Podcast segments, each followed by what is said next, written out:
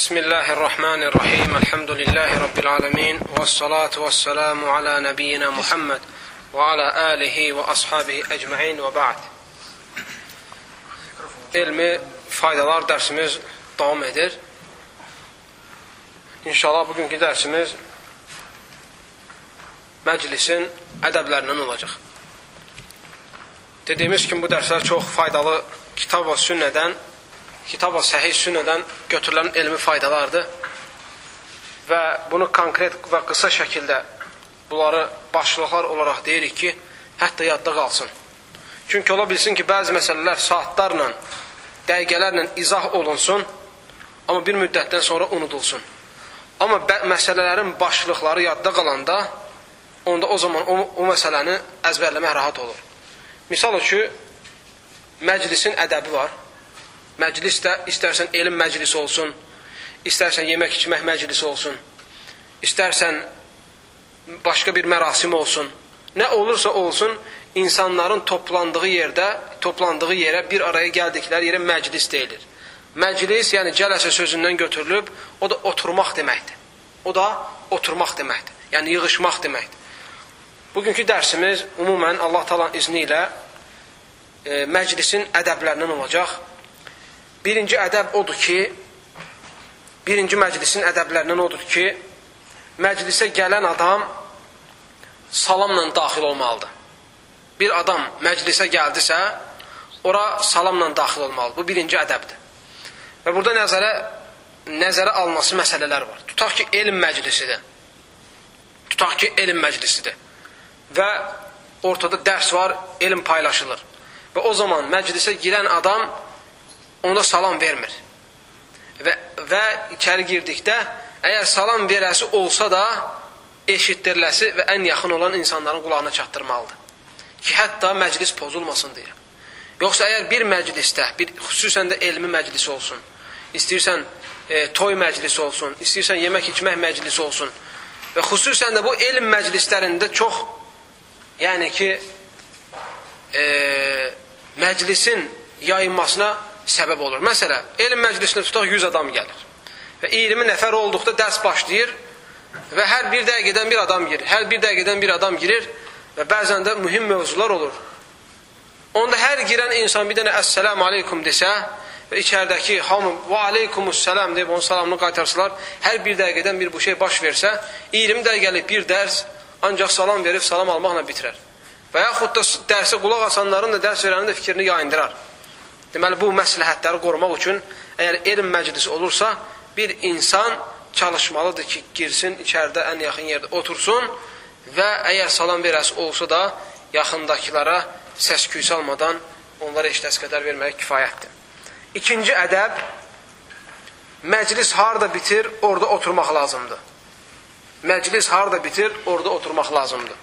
Bu dediyim kimi bütün məclislərə aiddir. Elm məclisi olsun, yara-yara yara insanların boynunu basa-basa, basa-basa gəlib qabaqda oturmaq olmaz.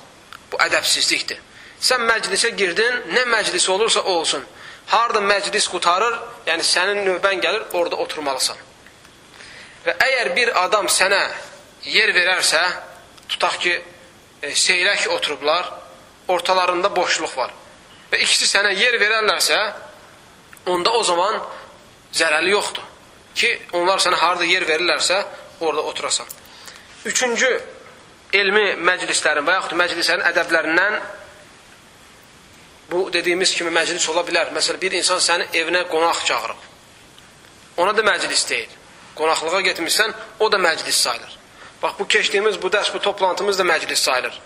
Və yaxud da harası gedəsən, dərs ol, ə, e, toy ola, sünnət ola və yaxud da şey ola, toplantı ola, ona da məclis sayılır. Deməli, əgər bir evə qonaq getdikdə, bir məclisə qonaq getdikdə, məclis sahibi sənin üçün haranı müəyyənləşdirib, ancaq orada oturmalısan. Ev yəsi, məclis yəsi, harada sənin oturmağını tövsiyə eləyir, təklif eləyir, ədəblərdəndir ki, gedib orada oturasan. Və burada bir fayda var ki, bir insanın evinə girdinsə, ondan izin gözlə, sənin oturası yerini göstərsin. Elə evə girinəndə gedib kravatın üstə uzanma gəlin. Ya e, gedib divanın üstə oturmaq ilə. Ya e, gedib və yaxud o sənin üçün bəlkə də Sənin orada oturmağın məsləhət olmayan yerdə getir, gedib oturmursan. Ona görə bir insan evinə girdiyin zaman gözləməlisən, hətta sənə göstərsin harada oturmalısan. Və yaxud da özün soruşursan ki, harada oturmaq daha münasibdir. Deməli, bu, əziz qardaşlarım, bugünkü gündə bir çox müsəlmanların unutduğu məsələlərdən biridir. Bu, İslam dini elə bir şey yoxdur ki, bəşəriyyətin faydasına olsun, İslam dini insanlar ona yönəltməsin. Nə olursa olsun, harada fayda var, xeyr var, İslam dini insanlar ona yönəltir. Harada zərəl var, müsəlmana, İslam aləminə, cəmiyyətə, insanlığa İslam dini insanlar o şeydən çəkindirir. Bu ədəbdəndir. Həqiqətən insanın qəlbi fərəh olur. Evimə bir adam qonaq gələndə səndən izin gözləyir ki, harada dərsən ki, keç orada otur yenə. Sən öz qəlbində fərəh duyacaqsan, sayğı duyacaqsan. Belə insan sənin evinə tez-tez gəlməyini arzulayacaqsan. Amma bir insan elə qapıyı açanla bir Bismillahirrahmanirrahim deyib hara gəldi atılır. Bu münasib deyil. Bəlkə də ev sahibi utanır. Sənə demək utanır ki, qardaşım, sən burada oturma. Bəlkə bura münasib yer deyil, müəyyən səbəblərə görə. Ev sahibi utanır, bəlkə də bu utanclıq onun sıxıntıya düşməsinə səbəb olur. Baxın, İslam dinində nə, də, nə qədər ədəbə, ərkana, insanatlığa yönəltmək e, qaydaları var. Həmçinin dördüncü, məclisin ədəblərindən bir məclisə getdinsə, istərsən ev olsun, istərsən başqa yer olsun, diqqət edici, cəlb edici baxışları əynəginə dayandır. Bəzi adamlar var, evə girdi mi, birinci lustraya baxacaq, sonra evin patologuna baxacaq, sonra divana baxacaq, oradan televizora baxacaq, oradan gedib əgər e, xrustal varsa ona baxacaq, skamlara baxacaq, televizora, kompüterə. Evdə heç nə qoymayacaq, gözünü ona vurmamış. Və belə olmamalıdır. Bu ədəbsizlikdir. Bir evə getdinsə, bir məclisdə oturdunsa və diqqət cəlb, elisi, cəlb edici qədər ora-bura baxma yenə. Sadə demirəm, içəri girdikdə gözlərini yum yenə. Sadə demirəm, içəri girdikdə gözlərini bağla yenə, yox. Baxa bilərsən insanların adətən baxdığı şeyə. Adətən gözə çalınan şeylərə baxa bilərsən. Amma diqqət cəlb edici qədər də yox.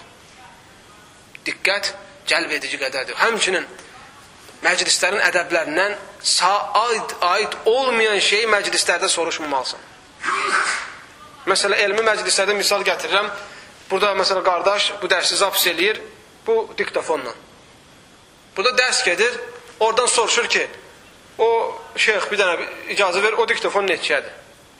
Bu dərs əsnasındadır. Bu, aid olmayan suallardır. Və yaxud da şeyx, sən oturduğun kürsünün taxtası hansı materialdandır? Və yaxud da kiminsə evinə girmişsən, oturursan, hə? Səndən soruşur ki, lustru neçə almışsan, bu kreslonu neçə almışsan, kompüteri neçə almışsan, sonra nə bilim bu divanı neçə almışsan, bu xalçanı neçə almışsan. O Sən də deyirsən bu qiymətə, bu qiymətə, bu qiymətə, sonra sənə nəticə verir. Deyir, toplam belə çıxır ki, 6000 dollar sən bu otağa xərc qoymusan. Deyirsən, maşallah, tabarakallah, sənə yaxşı buğalter çıxar. Əziyyətdir, bu da əziyyətdir. Buna harac deyirlər, sıxıntıdır bu. Sən belə olanda ev sahibi səni yola salandan sonra bir dənə şükür səcdəsi edəcək ki, əlhamdülillah bu insan bu insandan canımı qurtardım. Bir də eşitəndə ki, o insan onlara gələsdi, bəlkə də onun həyəcanından xəstəlik tapar adam. Belədir, va? Ona görə ədəbsizlik həmişə insana zərər verir. Ədəbsizlik həmişə insana zərər verir. Ədəbli insanla oturmağın öz həzzi var, öz ləzzəti var. Tərbiyəli insanların yanında oturmağın öz həzzi var, ləzzəti var. Amma tərbiyəsizlik, ədəbsizlik və yaxud da dəxili olmayan şeylərə girişmək hamısı o, o zaman nə olur? Bu şeylərə gətirib çıxardır.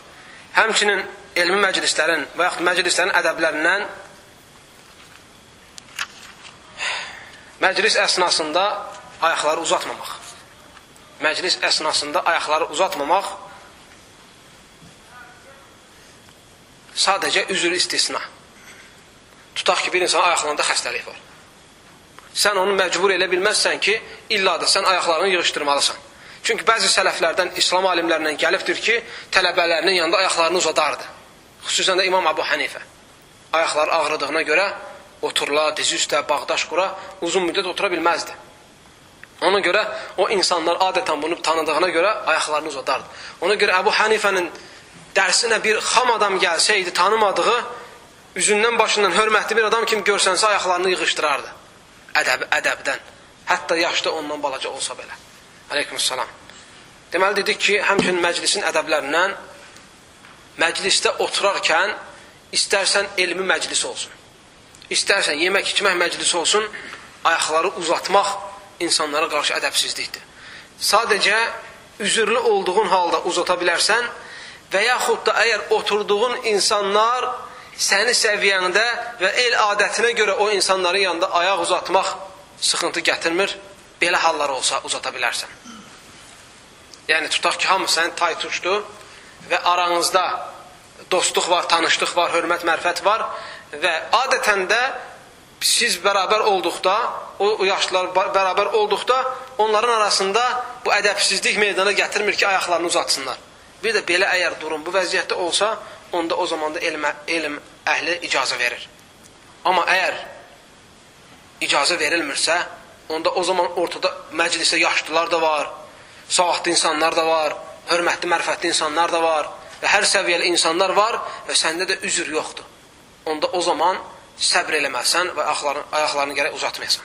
Həmçin məclisin ədəblərindən, aleykümselam, həmçin məclisin ədəblərindən hər bir məclis əhli, hər bir məclis əhli, hər bir məclisdə iştirak edən hamı çalışmalıdır zikirlə məclisi dirilsin.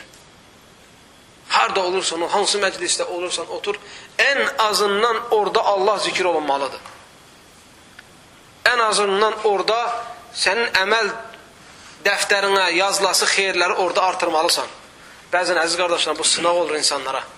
Baxırsan bir insan bir məclisdə oturur, saatlarla danışır, özündən danışacaq, qonşusundan danışacaq, ticarətindən danışacaq, keçmiş əməllərindən gələcək, danışır. Baxarsan ki, bir yerdə Allahı zikr eləməz. Amma bu məclislər Allahın ən nifrət elədiyi məclislərdən biridir. Ona görə oturduğun zaman istərsən yemək sürfası olsun, istərsən başqa toplantı olsun, çalışın ki, ortada dini tema atıla. Ortaya dini tema atıla. Dini məsələlər müzakirə oluna. Məsələ, gördün ki, orada söhbət illa da lazımdır. Bir dənə qardaşlara müraciət elə ki, gəlin, öz aramızda duanın ədəblərini sayaq. Öz aramızda dəstəməzi pozan şeyləri sayaq. Namazın rukunlarını, şərtlərini sayaq. Tövlə ilə illallahın şərtlərini, rukunlarına baxaq. Elmi məclis olsun. Və yaxud da ortada bir adam bir sahabənin həyatını danışsın. Və yaxud da ortada bir insan desin ki, mən bugün bu məsələ belə bir fayda götürmüşəm ki, filan şəriətdə filan məsələ belədir.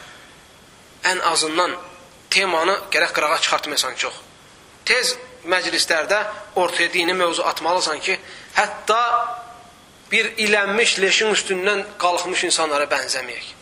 O məclislərdə ki, Allah zikr olunmaz, o məclisdən qalxan insanlar Allahı zikr etmədən bir ölmüş bir heyvanın leşinin üstündən qalxmış kimi sayılırlar. Və belə olduğu zaman əziz qardaşlarım, insanlar məclisi zikirlə, xeyir əməllərlə, faydalarla e, diriltməyə çalışmaları eyni zamanda sözlərdə və feillərdə olan haramlardan məclisi təmizləmək səbəb olur bu. Deməli, iki şeydən biri ola bilər. Ya məclis sənin leyhinə olacaq, ya da sənin əleyhinə olacaq. Yəni, ya sənin xeyrin olacaq məclis, ya da sənin şərin olacaq. Əgər məclis xeyir şeylərlə məşğul olunmasa, onda o zaman sənə mənfəət gətirməyən şeylə məşğul olacaq. Ən azından demirəm ki, sən harada olursan ol məclisin başından ayağına kimi dini temalar olmalıdır, xeyr.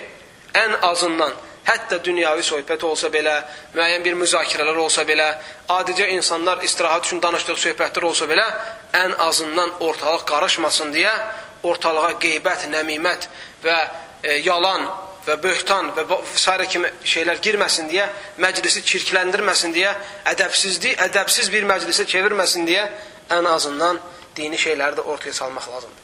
Həmçinin əziz qardaşlarım, elmi məclislərin və yaxud məclislərin ədəblərindən məclisdən insanlar qalxdığı zaman məclisin kəffarəsi deyən duanı oxumalıdırlar. Çünki məclis əsnasında adətən insanlar toplananda eləndiyi söhbətlərdə mümkün deyil ki, orada kimsə günah qazanmasın. Ona görə Peyğəmbər s.ə.v deyir ki, kim məclisdən sonra məclis kəffarə duasını oxuyarsa, o məclisdə etdiyi günahları bağışlanır. O da hansı duadır? Subhanakallahumma bihamdik. Hə? Subhanakallahumma bihamdik.